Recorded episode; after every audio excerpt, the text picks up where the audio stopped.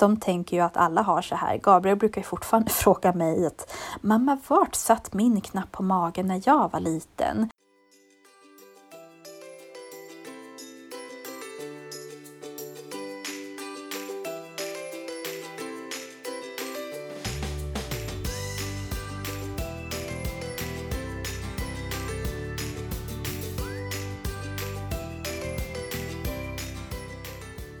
Du lyssnar på det 26 avsnittet av Nordlyckans podd. Idag med mig, Emma och Angelica. Hej Angelica! Hej Emma! Jag, jag snubblar lite på orden där man ska säga välkommen eller hej. Men jag säger både och. Ja, det blir välkommen, trevligt. okej. Tusen tack! Och idag har vi lovat skuggsyskon special. Mm. Eller jag har lovat att vi ska prata om det.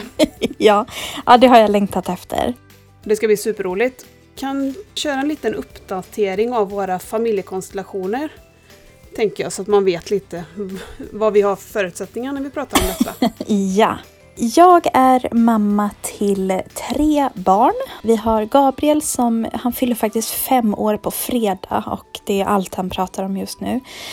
Och sen har vi Dalia som är lite drygt två år och Adrian som är ja, lite drygt åtta månader.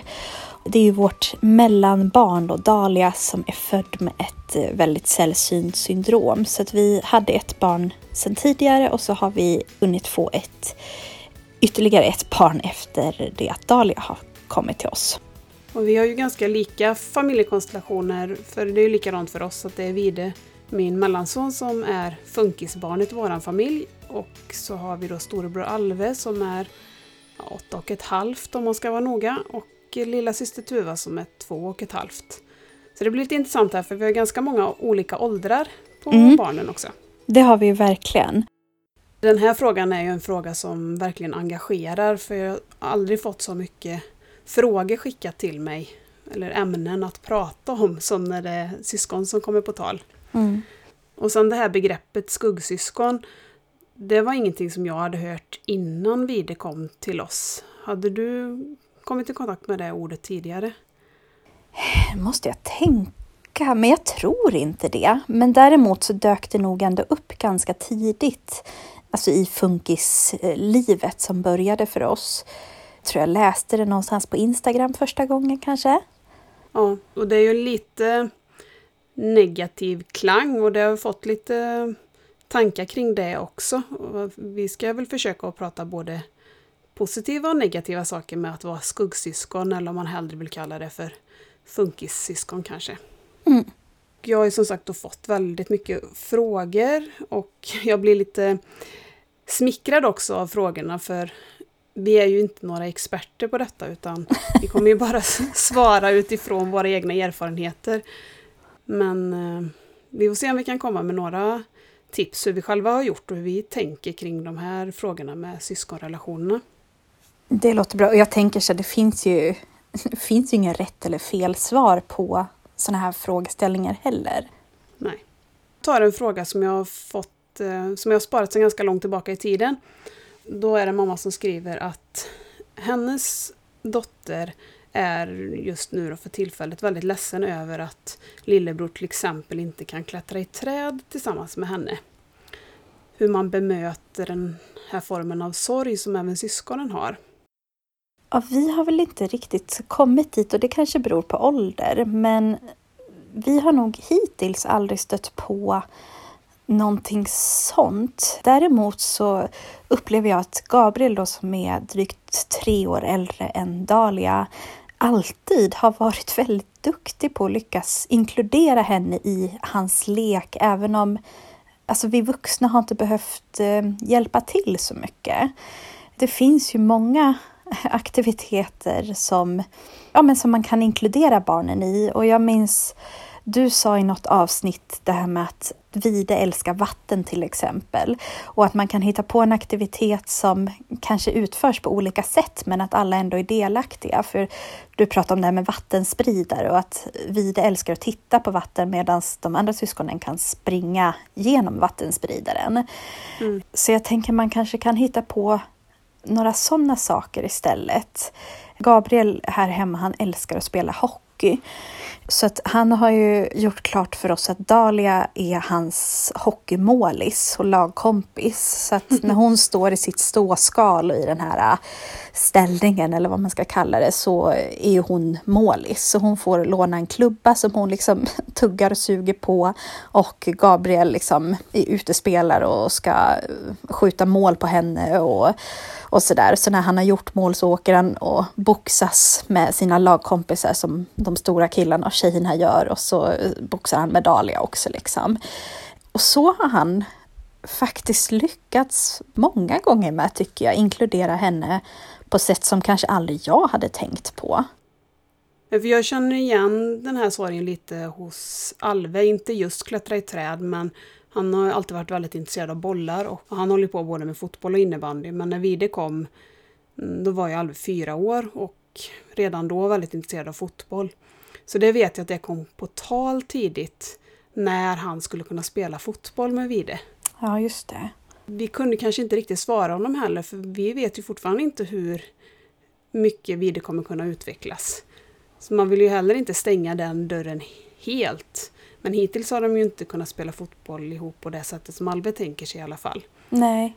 Men jag tycker det är lite svårt att bemöta den typen av sorg, för det är klart att han hade väl också en längtan och tankar kring hur det skulle bli att få en lillebror eller en lillasyster. Mm. Och det var väl en sån sak som att spela fotboll, en sak som var viktig för honom. Det blir ju inte riktigt på samma sätt. Vi har eh, bekanta till oss som har barn då som där ett av syskonen går i Alves klass och ett av syskonen är lika gammal som Vida och går på förskolan. Och jag ser ju dem ibland att de är ute i trädgården till exempel, till exempel tillsammans, de två syskonen utan föräldrar och leker. Så har ju aldrig Vide, jag kan ju inte skicka ut Alva och Vide tillsammans att de ska leka, då måste ju Vide ha ett vuxenstöd med sig. Mm. Ja, men och det, det, är ju precis samma här. Jag skulle ju aldrig kunna skicka ut... Ja, Dahlia kan ju överhuvudtaget inte förflytta sig själv så att det hade ju varit en omöjlighet. Jag upplever i alla fall att det har varit ganska lätt att förklara för Gabriel och hans kompisar.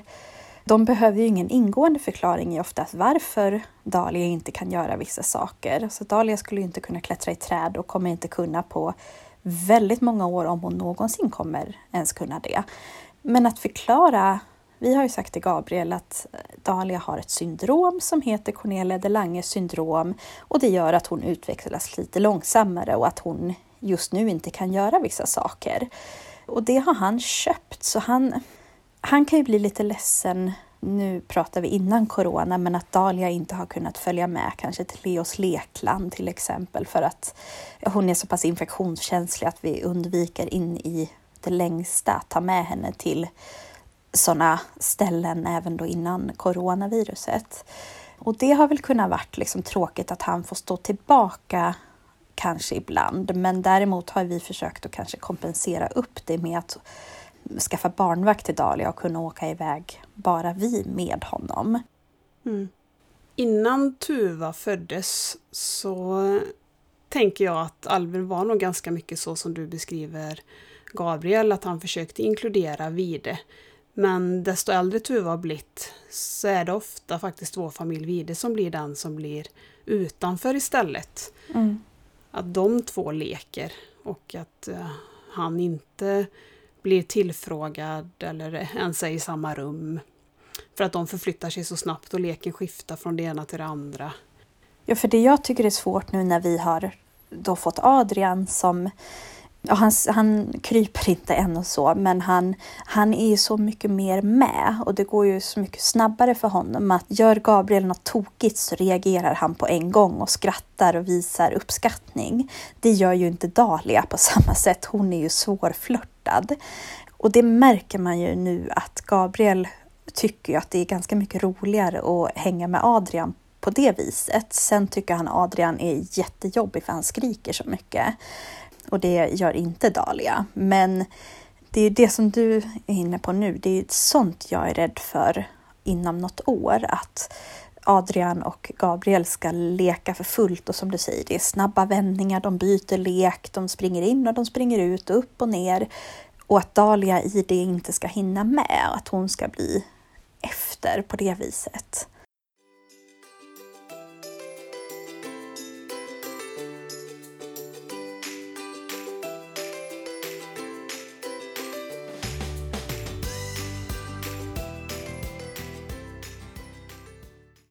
Men hur har ni pratat med, jag tänker framförallt Alve, om Vides eh, svårigheter?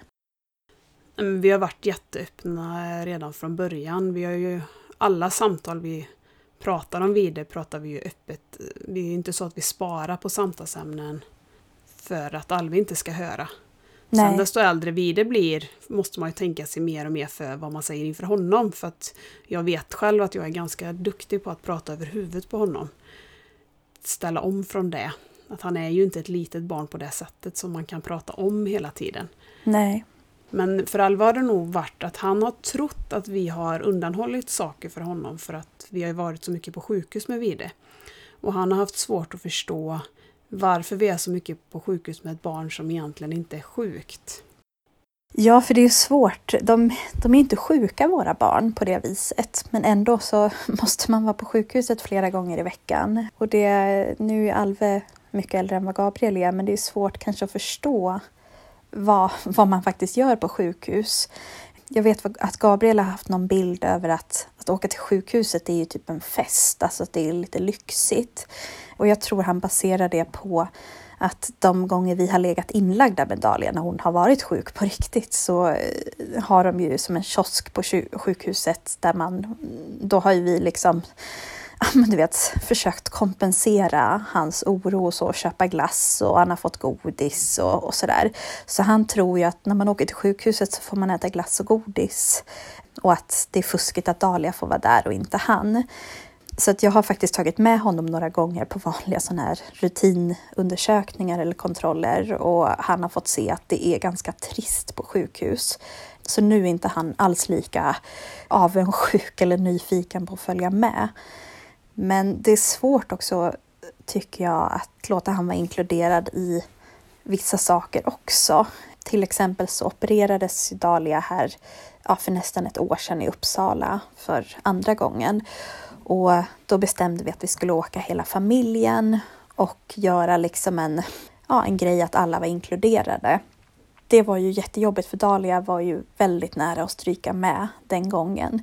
Och att ta upp ett syskon till barnintensiven när Dahlia ligger med liksom i respirator och sådär, det var ju jättesvårt. Ska man visa det eller ska man inte?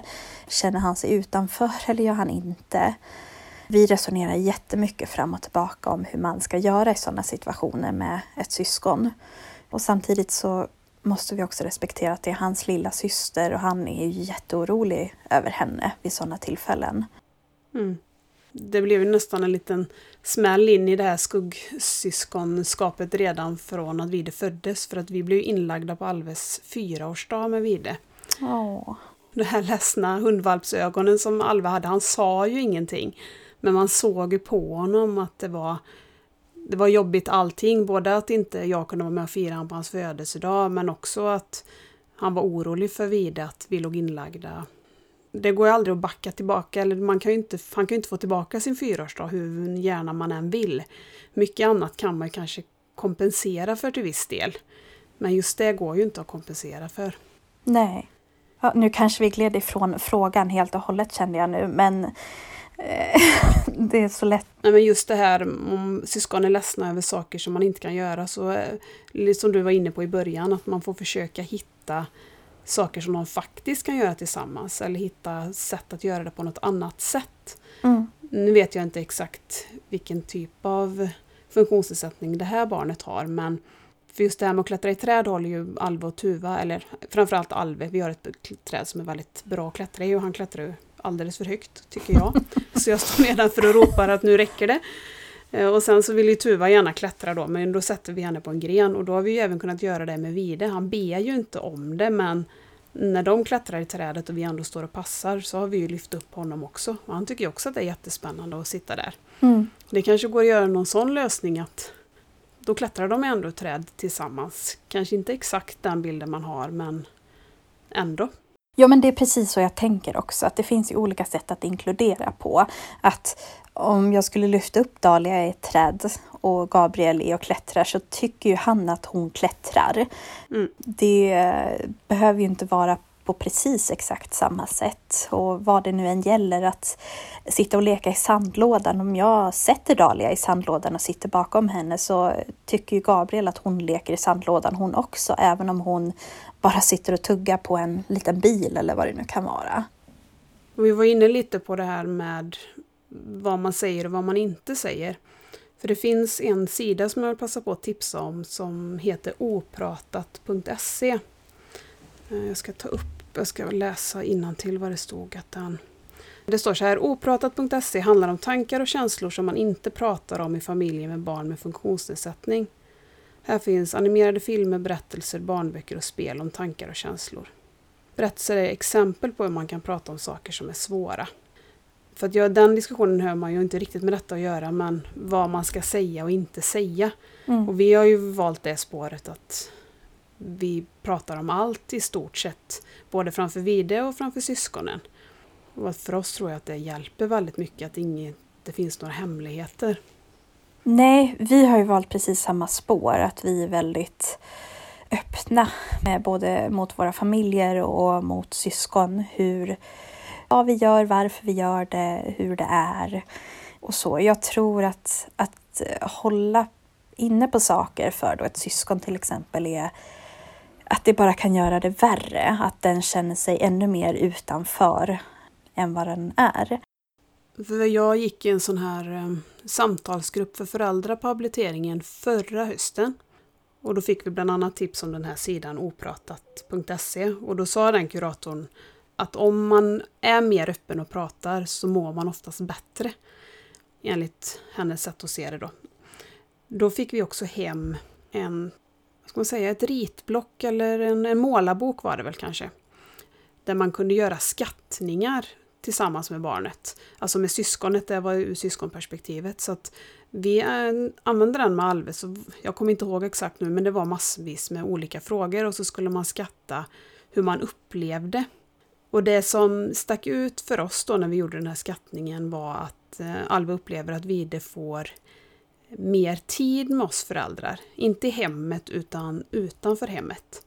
För han hör ju hur vi säger att, att vi ska åka till sjukhuset med Vide och då är ju ofta Alva i skolan. Och då vet han ju när han åker till skolan att idag får Vide vara med mamma och pappa. Ja. Så det var det enda som, nu är det ju ett år sedan vi gjorde den skattningen så det kan ju ändrat sig till nu men det var det som han upplevde som jobbigast. Mm.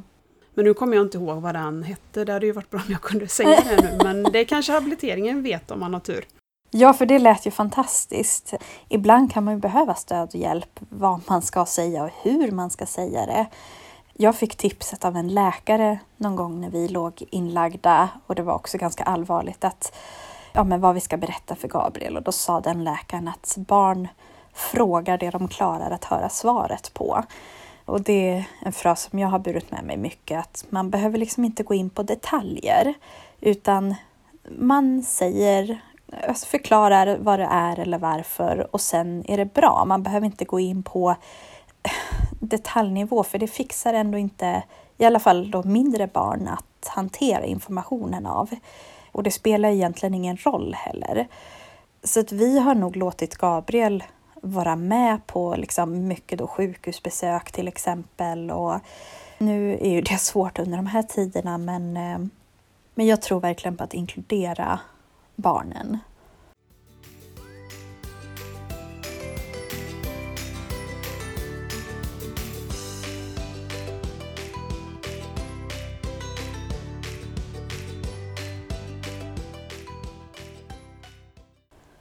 Sen fick jag en fråga om upplevelsen av att vara skuggsyskon eh, liknar det som de barn som lever med ett syskon som har en sjukdom. Och jag tänker att det svaret är ja, att det är nog väldigt likt. Ja, absolut. Det känns ju som att det, det är samma sak. Att de har någonting som kräver att föräldern eller föräldrarna behöver lägga mer tid på det barnet än på syskonen till exempel. Och jag vet inte om de syskonen kommer in under det här begreppet skuggsyskon heller. Det är, kanske är så. Ja, spontant så tänker jag ju det. Mm. Sen fick jag en intressant fråga här om ett skuggsyskon kan ha en egen diagnos. Eller är man inget skuggsyskon då? Nu måste jag upprepa frågan igen. Om skuggsyskon är... Om ett skuggsyskon själv kan ha en diagnos, eller om det faller då, är man inget skuggsyskon. Det kan ju vara så att man är, lever i en familj där ett barn har en diagnos och ett annat barn har en annan. Ja, är man det. fortfarande skuggsyskon eller är Oj. båda skuggsyskon? Eller? Det har jag aldrig reflekterat över. Nej, jag gissar att den som har ställt den här frågan har väl en sån familjesituation att man har flera barn med diagnoser. Ja, det beror väl på hur olika diagnoserna är. Jag tänker om en har en diagnos som gör att eh, alltså man fungerar väldigt typiskt och man behöver inte vara på sjukhuset medan det andra syskonet har eh, en sjukdom eller en diagnos som gör att det kräver väldigt mycket från föräldern. Då kanske det kan vara så. Jag tänker mer kanske vilka insatser som krävs från föräldrarna. Att det kanske mer är styrande om man kan kalla det skuggsyskon eller inte. Ja, men jag tänker något liknande, att om det är väldigt tydligt att det ena barnet behöver mer stöttning och hjälp så kan man nog ändå vara ett skuggsyskon om man har lite mindre svårigheter. Mm. Men om man har liknande svårigheter då blir man nog bara syskon. Ja, men precis. Precis. Sen fick jag en fråga om vi har något tips på böcker om syskon som är annorlunda. Har du läst någon sån? Barn, barnbok tror jag det var man frågade efter. Ja, just det. Vi läser ganska mycket böcker från, jag tror hela liksom serien heter olika. Det är författare då som skriver böcker där huvudpersonerna inte, det är inte en, en vit familj med två barn, utan här är det det kan vara ett barn som sitter i rullstol, det kan vara en pappa som gråter, det kan vara två föräldrar av samma kön eller ja, sånt som kanske inte alltid finns med i barnböcker vanligtvis. Sådana har vi läst ganska mycket, jag och Gabriel, och det är ju Gabriel då själv som har valt de böckerna. Vi har lånat mycket på biblioteket. Så de skulle jag nog rekommendera. De är ju väldigt, väldigt lättlästa. Det här handlar ju kanske för lite yngre barn. Alltså, jag tänker då som typ Gabriels ålder. Men sen är ju Bamse faktiskt också en rekommendation. Där pratar man ju också om rasism och eh, Brumma har ju någon form av diagnos om det är autism eller en utvecklingsstörning eller vad man nu vill tolka det som. Ja, just det. Jag älskar Bamse så jag tipsar om Slå ett slag. ja, men och det, det behöver kanske inte vara uttalade böcker om eh, barn som har funktionsvariationer eller vad det nu kan vara. Bamse är ju en sån, det är ju inget uttalat att det ska vara något för alla liksom, men det är det ju ändå. Och det är väl det jag tänker man vill få till, att det ska finnas i alla miljöer, alltså i böcker och på tv och nyheter. Det ska liksom inte spela någon roll. Den världen vill man ju leva i, eller vill jag leva i i alla fall. Sen är ju mitt tips att försöka söka upp andra funkisfamiljer även i verkliga livet. För syskonens skull. Att man ser att det finns andra barn som också har det som jag, som har ett syskon som är annorlunda. Mm. Böcker är ju en bra väg, en bit på vägen men kanske inte når riktigt ända fram. Nej, precis. Där, då måste jag bara ännu en gång slå ett slag för Ågrenska. Vi var där i somras, eller i slutet av sommaren. Det var ju nio andra familjer där som hade ett barn med Cornelia de Lange syndrom och sen hade ju alla familjer också syskon. Eller det kanske var någon som inte hade, men de flesta hade syskon. De syskonen var ju då i olika gruppkonstellationer på dagarna och gjorde saker tillsammans och, och sådär.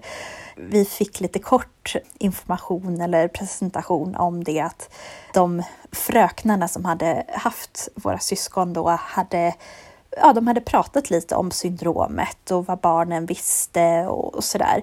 Och det var så himla fint att se Gabriel, då kom han på eftermiddagen och sa att men vet du mamma, min nya kompis och så vad han eller hon nu hette, hans syskon har också Cornelia de Langes syndrom. Och den matas också med en slang och genom en knapp i magen. Och såg du, han hade lika cool rullstol som Dahlia. Och det blev ju liksom det normala där. Och det var så himla fint att se. För jag tror, precis som du är inne på, att, att se det och uppleva det och kunna prata om det med andra som är i samma situation är det absolut viktigaste.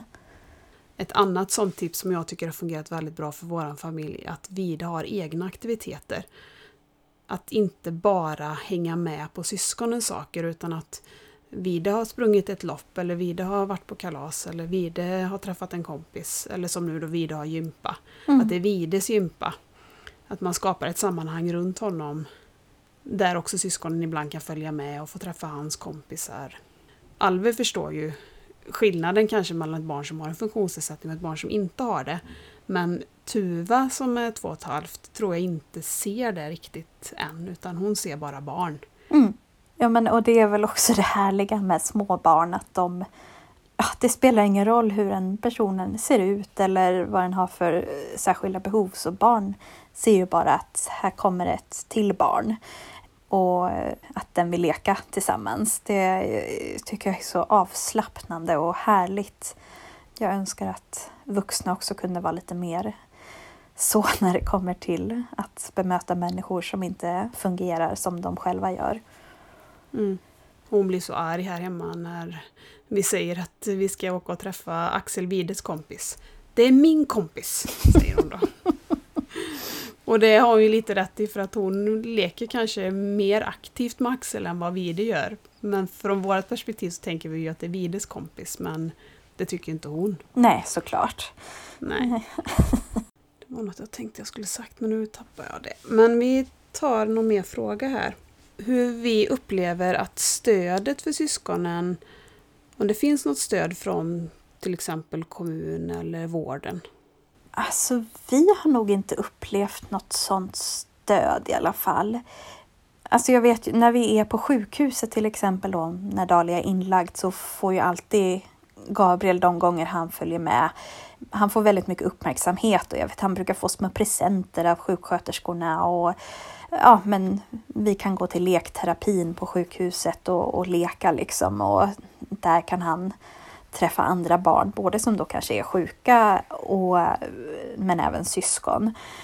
Men eh, annars så kan jag väl nog inte påstå att vi i alla fall har fått så mycket stöd. Jag tänker stödet handlar ju ofta om, förstå mig rätt, att kunna lämna bort barnet med någon typ av funktionsvariation, till exempel till korttidsboende för att på så vis kunna få mer tid för syskonen. Men något annat har inte vi. Det kanske är jag som har missat någonting. Nej, vi har inte blivit erbjudna något heller. Jag vet att eh, man till exempel kan få möjlighet att prata med kuratorn om man känner det behovet. Alltså som syskon få gå till habiliteringen och prata med habiliteringens kurator.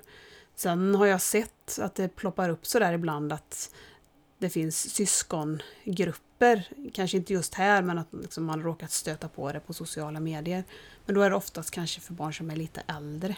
Ja. Att man har någon form av samtalsgrupp där man fikar och gör något ihop. Men det finns ju ingenting så spontant heller som jag tänker. Det vi ansökte om var ju avlösarservice och det är ju faktiskt lite utifrån att syskonen ska få tid. Mm. Men det blev ju nekade så att ja. Eh, svaret är väl nej då. Inget stöd. Nej. Och ingen information om det heller. Och det vet jag att du har nämnt vid något tillfälle innan också att jag upplever ju aldrig att vården har något familjeperspektiv eller något syskonperspektiv när man kastar på oss vad vi borde göra med Vide. Nej, inte alls. Inget liksom stöd eller hjälp eller som du är inne på, det är ju nästan tvärtom, att man, man glömmer ju bort syskonen totalt ur vårdperspektivet. Det läggs på oss så otroligt mycket som föräldrar, att vi ska träna och öva och sådär. jag tänker, skulle vi göra allting som alla säger åt oss att träna på Medalia så skulle inte vi hinna varken äta, handla, sova eller jobba eller vara mamma och pappa åt syskonen också. Och det blir jag ju så ledsen över. Och då kommer ju det här dåliga samvetet fram och skammen och skulden för man inte tränar så mycket som man borde göra och påverkar jag då Dahlias utveckling för att jag inte tränar så mycket som de säger och samtidigt så minskar ju tiden med syskonen då så det, det känns ju bara som en ond cirkel det där.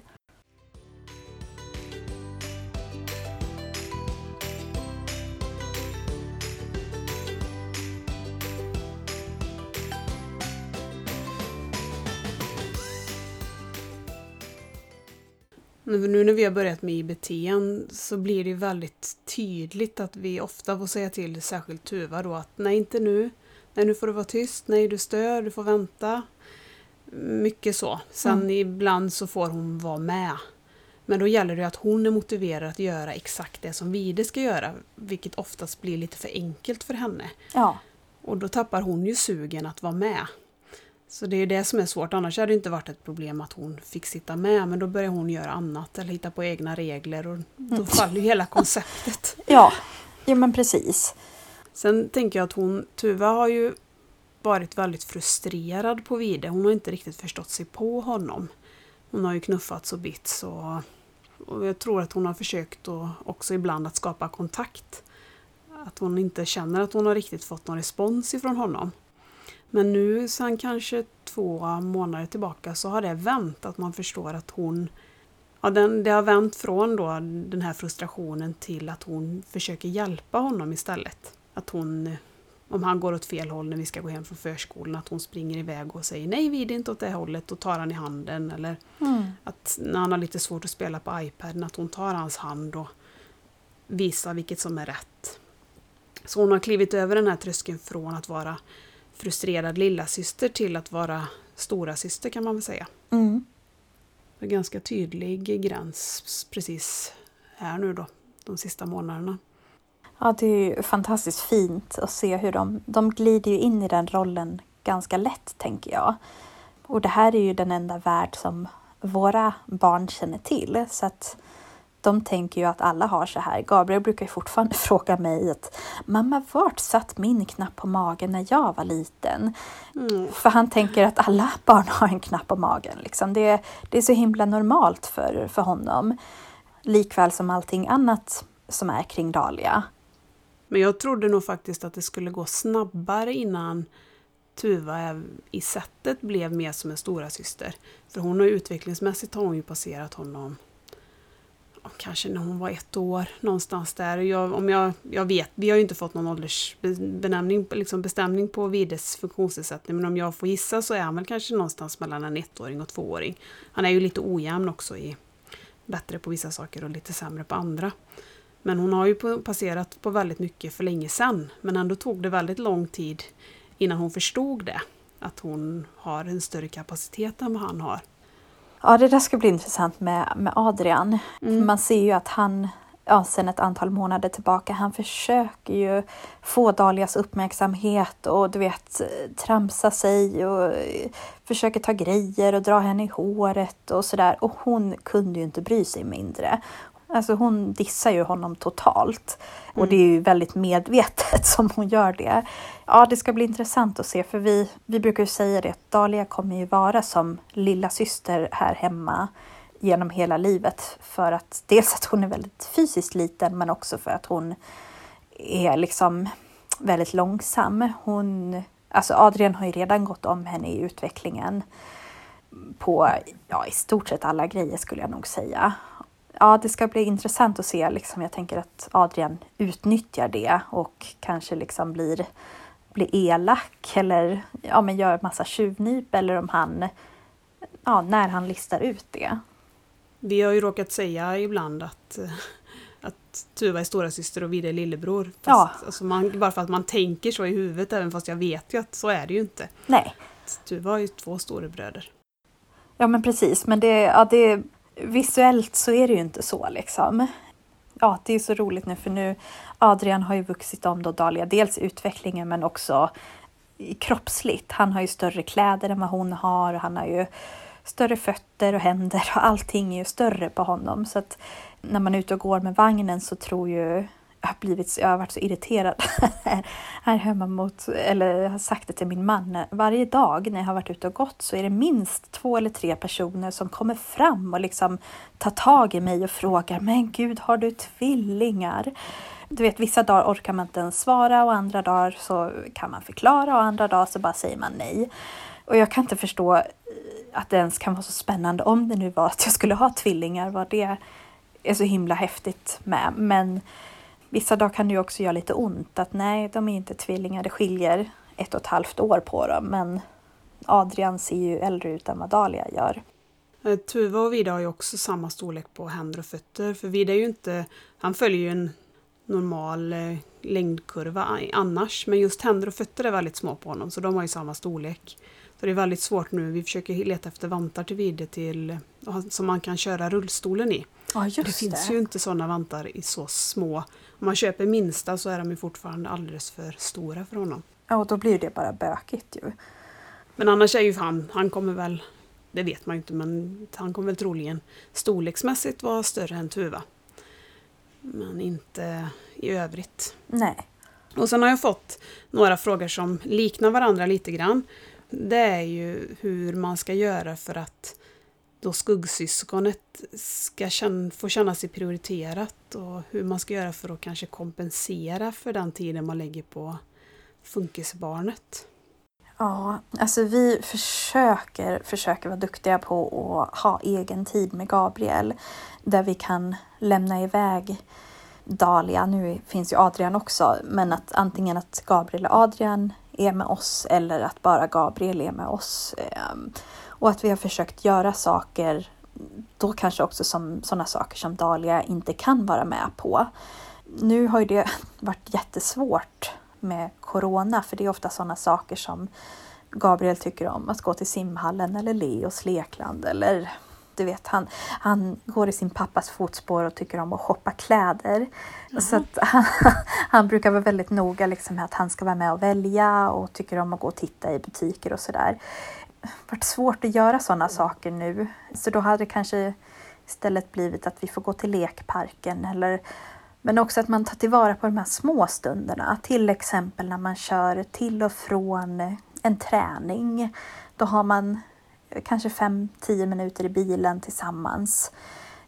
Ja, men plocka upp sådana här små saker eller typ när syskonen sover att då kan vi passa på att baka kokosbollar eller muffins och sitta och prata lite.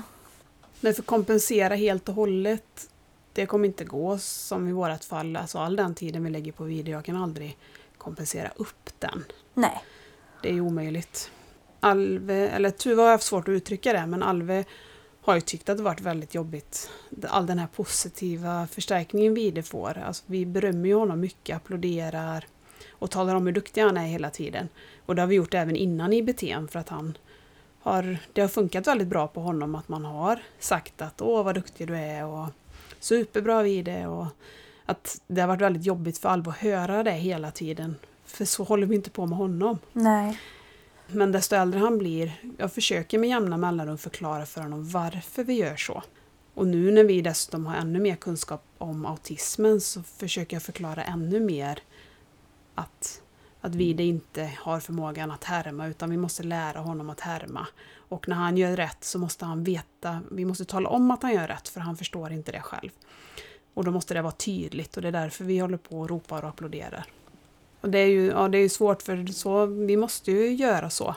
Och det enda sättet jag kan komma på är att förklara för Alve varför och också då såklart säga till honom att vi är ju superstolta över dig också och tycker också att, att du också är jätteduktig. Mm.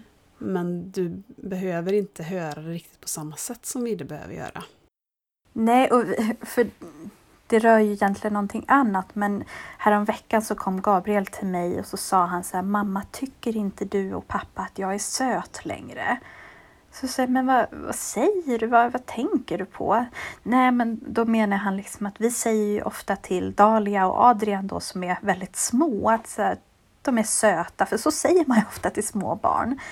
Mm. Medan till Gabriel kanske jag inte säger det på det viset utan jag kan säga andras ord istället då kom det liksom över mig att ja, det man inte säger, det förstår ju kanske inte Gabriel. Han är fortfarande ganska liten han också vissa dagar.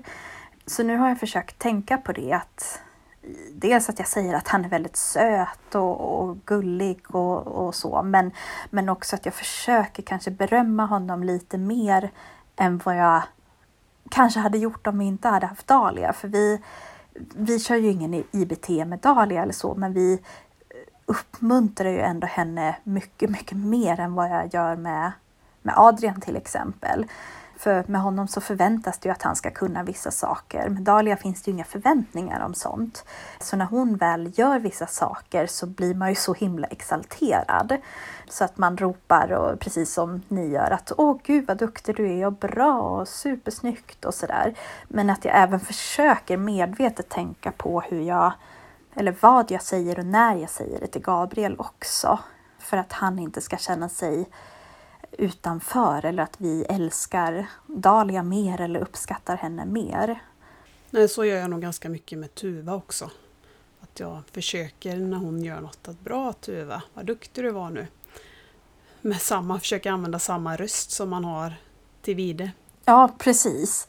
Men sen, jag tycker att det har blivit enklare det här med att kompensera med tid egentligen med Alven nu det senaste därför att dels har han ju alltid haft sina idrotter och det blir ungefär samma för oss att man vi har ju en bit att köra, vi bor ju på landet så att vart vi än ska så tar det ju en kvart i alla fall. Mm. Så man får ju den här stunden i bilen och han är uppe, uppe med oss sent ibland och så. Men sen är han ju väldigt inriktad på att leka med kompisar nu. Han är inte så intresserad av att vara med mamma och pappa egentligen. Utan om vi har en dag när vi är hemma så vill han ju gärna leka, eller att vi ska ringa till någon som han kan leka med. Ja, just det. Så då försvinner ju en del av det här dåliga samvetet.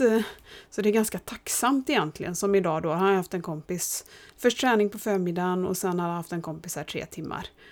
Och då har han ju fått utlopp för det här som han vill göra. Mm.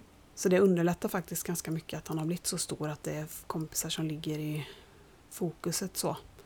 Så att här är det ju definitivt Tuva som får stå tillbaka. Ja. Jag hör ju liksom mig själv. Nej, du får vänta inte nu, sen kanske. Mm. Det var ju någon dag, när, nu har jag ju börjat vara ledig med henne på måndagar. Just därför att försöka kompensera lite för den här tiden som vi inte har till henne. Och eh, då hade jag antagligen sagt vid någon dag att nej, inte nu, jag hinner inte nu, när hon hade frågat om vi skulle läsa bok. Så att när vi var lämnade vidare på förskolan och vi satte oss i bilen för att åka hem så sa hon Nu mamma, nu läsa bok. Åh. Så du vet, hon sparar på det för att hon vet att vi ska och då blir man ju, ja det är ju, man tycker att hon är väldigt söt men samtidigt blir man ju lite ledsen över att hon ska behöva vänta på den här måndagsstunden för att jag ska mm. hinna läsa en bok för henne. Ja. Sen läser vi ju såklart bok annars också men jag tänker att hon har säkert frågat efter det när jag inte har tyckt att det har passat.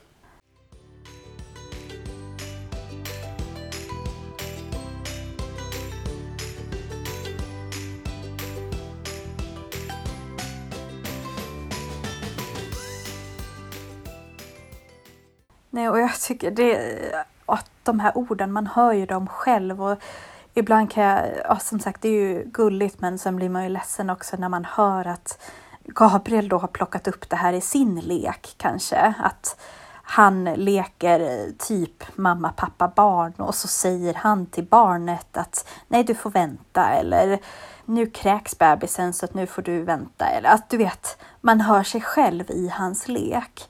Och det tycker jag känns så tungt för att jag tänker på hur mycket det tar på honom eller hur, ja det är hans sätt kanske att bearbeta det men vad man tjatar om det här att du får vänta och jag försöker verkligen göra saker med Gabriel när jag är hemma med alla tre barnen själva, eh, själv. Men det är svårt när Dahlia då till exempel kräks, eh, när man behöver sitta med henne kanske i en eller två timmar för att hon inte ska kvävas, hjälpa henne att få upp det eller när hon behöver uträtta sina behov och man får sitta med henne länge för hon har så ont. Hur Gabriel blir sittande lätt vid paddan till exempel och det dåliga samvetet både mot att han har väldigt mycket skärmtid men också att man inte gör någonting med honom själv, att han inte får så mycket tid här hemma. När jag försöker göra saker med syskonen om, vi, om Vide ska vara med så behöver han ju 100% av mitt fokus. Annars så kommer han inte kunna vara med. Och om man väljer att låta honom inte vara med så är han ju väldigt passiv. Så att då blir ju det en stund där han gör ingenting. Han gör ju väldigt mycket ingenting om inte vi driver fram vad han ska göra.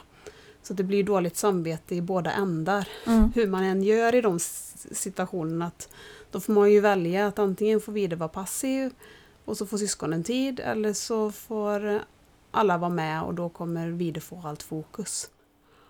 Och sen har ju inte alla möjlighet att göra så som vi har gjort men det här att jag då är ledig på måndagar nu, att vi har fått utökad tid för Vide så att han går sex timmar på förskolan medan jag är hemma med Tuva själv. Det är ju det vi, det vi har sett att vi kan göra för hennes skull. Mm. Om jag ser vår familj utifrån så är hon ju ett ganska, ska man säga, hon har ju mycket energi, bestämd eh, dam, mycket ropande och ehm, det är väl hennes sätt att synas. Om hon hade varit den duktiga flickan hela tiden så hade hon ju inte fått någon uppmärksamhet alls. Nej, nej precis, det är ingen konstig reaktion. Men jag tänker just det som du är inne på, det här med ett utökad tid på förskola som man faktiskt har rätt till när man har barn med någon typ av funktionsvariation så gör ju det att vi har ju till exempel då att måndagar och fredagar så har Gabriel varit ledig från förskolan medan Dahlia går fem timmar de dagarna och då blir det ju också automatiskt tid med bara grabbarna här hemma. Att då kan vi göra saker som, som Dahlia inte tar tid ifrån. Nu när jag satt och förberedde den här, det här avsnittet så tänkte jag på de här praktiska sakerna också. Där syskonen, vet inte om man ska kalla det stå tillbaka, men i alla fall bli påverkad av. Vi har ju byggt ut och då valt att Vide ska få sitt rum på nedervåningen. Så han kommer ha sitt rum jämte vårt nya sovrum. Och så kommer Alva och Tuva ha sina rum uppe. Och det naturliga om inte Vida haft sin funktionsnedsättning hade kanske varit att antingen att lilla syster hade fått rummet jämte oss eller att Alve som är storebror hade fått det nya lite större rummet där det inte är ett annat rum jämte. Jag tror aldrig att man hade valt kanske att mellanbarnet hade fått det rummet. Nej. Och sen har vi andra sådana här saker som vid matbordet så sitter Vide på Eh, kortsidan så att jag och Henrik sitter så att vi båda sitter nära honom och sen sitter Tuva i mitten av bordet på långsidan. Och där hade det kanske varit mer naturligt att den lilla syster hade haft den här platsen på kortsidan. Ja men det blir det mest praktiska att ha den typen av placering med eh, Vide och det är ju samma med Dahlia hon får ju lite grann styra med, ja men precis samma med rumsuppdelningen. Hon behöver ju ha ett eget rum så att inte hon ska störa någon annan med sin eh, matpump eller om hon vaknar och är väldigt ledsen för hon har ont eller kräks eller sådär så att inte hon ska eh, då kanske störa syskonen. Vilket man kanske inte hade valt på samma sätt om, eh, om Dahlia inte hade haft sitt syndrom. Så man gör ju mycket kanske en del omedvetna anpassningar i vardagen som gör att syskonen också får mindre eller färre valmöjligheter eller, eller så. Ja, för i bilen så sitter ju också Vide fram. Ja, just Och det det. hade ju kanske inte man gjort så. Då hade kanske man valt den som är yngst, att den sitter fram i en sån här bakvänd stol eller att storebror hade fått sitta fram. Mm. Sen kan man ju tänka vad man vill om det, att alltid mellansyskonet då ska få stå tillbaka. Men det är inte kanske varit det naturliga som vi hade gjort om inte det var för att... Och det var mycket för att när vi mm, satte in stolarna då åkte vi med, till Göteborg med Vide en gång i veckan och då satt vi väldigt många timmar i bilen med honom. Och då ville vi inte ha han i baksätet. Sen kan ju Tuva sitta i den stolen så att om jag åker själv med henne får hon ju sitta fram då såklart. Ja. Jo men precis, så det är samma för oss. Vi har ju Dahlia i framsätet och Gabriel är ju jätteavundsjuk att hon får sitta där. Men vi behöver ju ha henne där av säkerhetsskäl, att vi ska kunna ha tillgång till henne och se henne hela tiden. Och det har ju Gabriel liksom fått acceptera bara att så är det. Men däremot när han är, ja, men kanske är med mormor och morfar så får han sitta i framsätet med dem istället i sin stol. Så att, och det, det får ju inte småsyskonen och då kan vi liksom säga det att men gud vad lyxigt att du fick sitta fram. Det får vi inte berätta för syskonen typ för att han ska känna att det är ja, lite sådär lyxigt.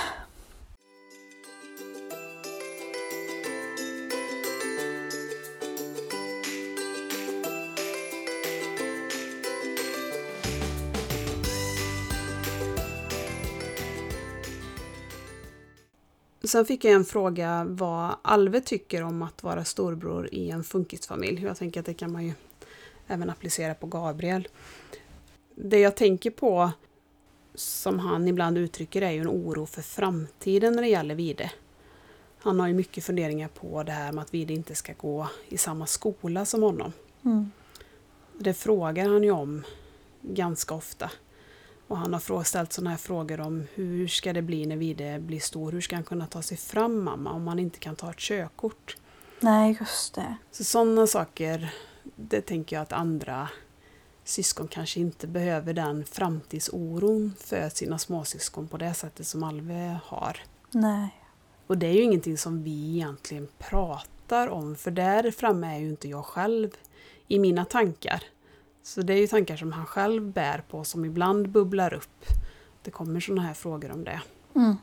Gabriel har väl kanske inte kommit riktigt dit än utan han är fortfarande väldigt mycket här och nu. Men jag har ju ändå börjat tänka på till exempel det här med skola. Att för, för mig har det varit jätteviktigt att alla syskonen ska gå på samma förskola och sen har ju vi, Gabriel ska ju börja förskoleklass här till hösten som kommer och drömmen hade ju varit att Dalia också fick börja i den skolan men som det är i dagsläget så har inte den skolan någon särskoleverksamhet, det är en privat verksamhet. Och vi har pratat med dem naturligtvis och de har som en dröm att kunna starta en särskoleverksamhet men har det inte idag. Så då ska Dalia behöva åka till en helt annan skola som ligger en mil bort. Och det tycker jag känns svårt redan nu att behöva förklara för Gabriel och Adrian att varför får inte deras syster gå på samma skola som dem? Att det liksom spär på det här att hon är annorlunda och konstig. Den diskussionen bävar jag lite för. Nej, för det är det som Albe oroar sig för, för vi bor ju på landet. Förskolan och skolan ligger precis, eller förskolan ligger typ på skolgården kan man säga. Så att Alve ser ju sina småsyskon varje dag. Mm. Och är orolig över det här då att Vide inte ska gå på den här lokala skolan. När vi kommer dit så tänker jag att Alve får ju följa med och titta hur Vides nya skola kommer se ut och lite så. Men eh, det är klart, jag tror han tycker det är lite tryggt nu att han kan ha lite koll på syskonen. Och vi får ju också ibland lite rapporter om om Vide har varit ledsen till exempel, då talar han ju om det när han kommer hem, att idag har Vide skrikit. Ja men det är klart, de är ju stora syskon och de vill ta hand om sina småsyskon. Så är det ju oavsett om syskonet har något syndrom eller något annat. Att syskon tar hand om varandra och att det är läskigt att inte kanske kunna ha kontroll. Och jag tänker både Alva och Gabriel är medvetna om att deras syskon har, har kanske andra behov än många andra barn och att då vill man se efter dem lite extra mycket. Sen har vi fått ett önskemål om att vi också ska ta upp lite positiva saker. För att farhågan var ju här att det blir mycket negativt och det blir ju lite grann så kanske att fokuset blir på det som inte fungerar. Mm.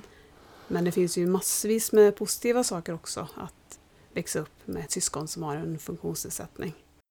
Det minns jag när vi, när vi fick Dahlia. Vi var ju liksom vi hade ju sån sorg över att det inte blev som vi trodde det skulle bli. Och där var ju liksom den största farhågan var ju just att har vi förstört Gabriels liv nu med att Dahlia kom till oss? Och det har jag ju verkligen blivit varse om att så är det ju inte, precis tvärtom. Dalia, dels så skänker hon oss så himla mycket glädje, men det lär ju också Gabriel dels att alla är olika, alltså det är ju faktiskt en lärdom att man får vänta på sin tur och vissa saker går före andra. Också att jag tycker det är så fint att han vågar fråga saker när vi är ute. Att åh, titta mamma, varför har den personen en, vad det nu kan vara. Man kan prata om det. Ja, du vet man tänker ju, och det har man ju hört liksom att många syskon som har haft eller har ett syskon med funktionsnedsättning kanske väljer yrken i framtiden där man jobbar mycket med människor, kanske vårdande yrken eller eh, yrken där man kan hjälpa andra. Och det är just sådana egenskaper som krävs för sådana jobb eller vad det nu kan vara, som jag hoppas att Gabriel får med sig.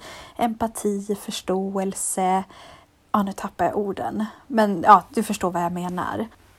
Ja men så tänker jag också att de kommer ju bära med sig det hela livet det här att med olikheter. Att det inte är så konstigt.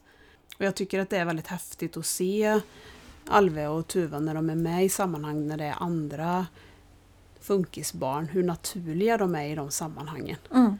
Och jag, jag minns då återigen när vi var på Ågrenska så Gabriel fick en ny bästa kompis som hette Theo. Och Theo hade en storebror som var 12 år tror jag som också hade Cornelia de Lange syndrom. Men han kunde ju ändå vara med och hoppa studsmatta till exempel även om han inte hade något vidare tal eller sådär. Och så vet jag, jag sa vid något tillfälle bara i förbifarten till Gabriel att jag vet du, Theos storebror han har ju också Cornelia de Lange syndrom. Och Gabriel hade ju liksom inte haft en tanke på det utan den pojken hade ju varit med och lekt med Gabriel och Theo precis som vem som helst. Och just det här att alla får vara med och att man dömer inte människor utifrån hur de ser ut eller hur de är eller om de inte kan prata utan alla får vara med. För vi har ju träffat en annan familj, jag tror jag pratat om dem i podden tidigare, där Alve och eh, storebror i den familjen då är lika gamla och eh, Vide och Axel som den pojken heter, det skiljer ett år på dem. Men Axel har också ett sällsynt syndrom. Ja, Axels mamma har ju förresten varit gäst i podden här också. Och första gången innan vi skulle träffa dem så frågade Alve om, om Axel också hade ett syndrom. Och så sa vi ju att han hade det. Och då var det liksom, ja. Mm. Det var inga följdfrågor på det utan det var bara, ja. Okej. Okay. Och sen när vi träffade dem så de brydde sig inte om sina småbrorsor och de det var ju liksom inget speciellt utan det var ju bara två småsyskon som var med som man inte var speciellt intresserad av att leka med utan de ville ju leka själva. Ja. så det blir ju så okonstlat också och en fantastisk möjlighet för hela familjen att, att försöka knyta an sådana kontakter tror jag är, för oss gör i alla fall det jättestor skillnad. Det, på det sättet har ju Vides funktionsnedsättningar har ju gjort vårt liv mycket rikare. Att vi har fått eh, väldigt mycket vänner tack vare det. Både då som vi ofta pratar om på sociala medier men även i det lite mer verkliga livet mm. som vi faktiskt träffar. Lika väl som att det är för syskonens skull så är det också så skönt som förälder att umgås med andra familjer som har barn med olika utmaningar. För att ja, men det är inget konstigt att man tar upp en matpump och börjar sondmata sitt barn och det jag tror man tänker på det lite mer än vad jag kanske vill erkänna ibland när jag är ute bland folk liksom och tar fram Dalias matpump och det är slangar och det är knapp på magen och folk liksom tittar och för mig är det här vardag och det är ju det mest naturliga som finns men man får ju ändå massa blickar och det kan jag tycka vissa dagar är liksom jobbigt. Så att umgås med familjer som är i liknande situationer är ju så skönt för alla. Det är så himla avslappnat och precis som du säger, man har ju fått, jag har ju fått så himla mycket nya vänner genom Dahlia också som jag aldrig hade kommit i kontakt med annars. Både på sociala medier men också i, i verkligheten. Och det hade jag nog inte räknat med i början av vår resa, att det skulle bli på det viset. Utan jag tänkte nog mest att ja, man kanske förlorar vänner som man har haft tidigare för de inte orkar med eller tycker det blir för jobbigt eller inte förstår vår situation. Och att det skulle kännas väldigt ensamt i det livet. Men jag hade ju inte tänkt konstigt nog på att man även vinner vänner med, med att få ett barn med ett syndrom när den här nya världen som öppnar sig öppnar ju sig inte bara heller för oss föräldrar utan om man väljer att inkludera syskonen i den världen på olika sätt så är det ju också en ny värld som öppnar sig för dem. Och sen om man ska tänka på andra positiva saker så Alve är ju otroligt stolt över Vide. Om Vide gör framsteg så är han ju också lika snabb som vi på att applådera och säga att han är duktig. För när man pratar så här så känns det kanske lite som man tänker att han ser Vide som ett problem eller någon som tar tid ifrån oss. Men så tror jag inte det är i vardagen utan han, han är ju stolt över sin lillebror. Mm. Så det är ju ändå ett väldigt starkt band de har. Även om inte de kan prata med varandra eller kanske leka så som typiska syskon gör. Nej, och jag tror det bandet, det går nog inte att förstå för någon annan än dem. Jag tror de har en relation som, ja den är så stark och går över allt annat för det är precis samma här, att Gabriel han är så ofantligt stolt över Dahlia och tycker ju så himla mycket om henne. Och trots att hon, som jag nämnde tidigare, hon visar ju liksom inte ofta att hon bryr sig eller sådär utan hon, hon tittar åt ett annat håll. Hon skrattar ju inte i onödan, Dahlia. Men Gabriel ger ju liksom aldrig upp utan han nöter ju på liksom och skojar med henne ändå. Och det tycker jag är så fint att han vet att det är hans syster och han skulle ju göra vad som helst för henne.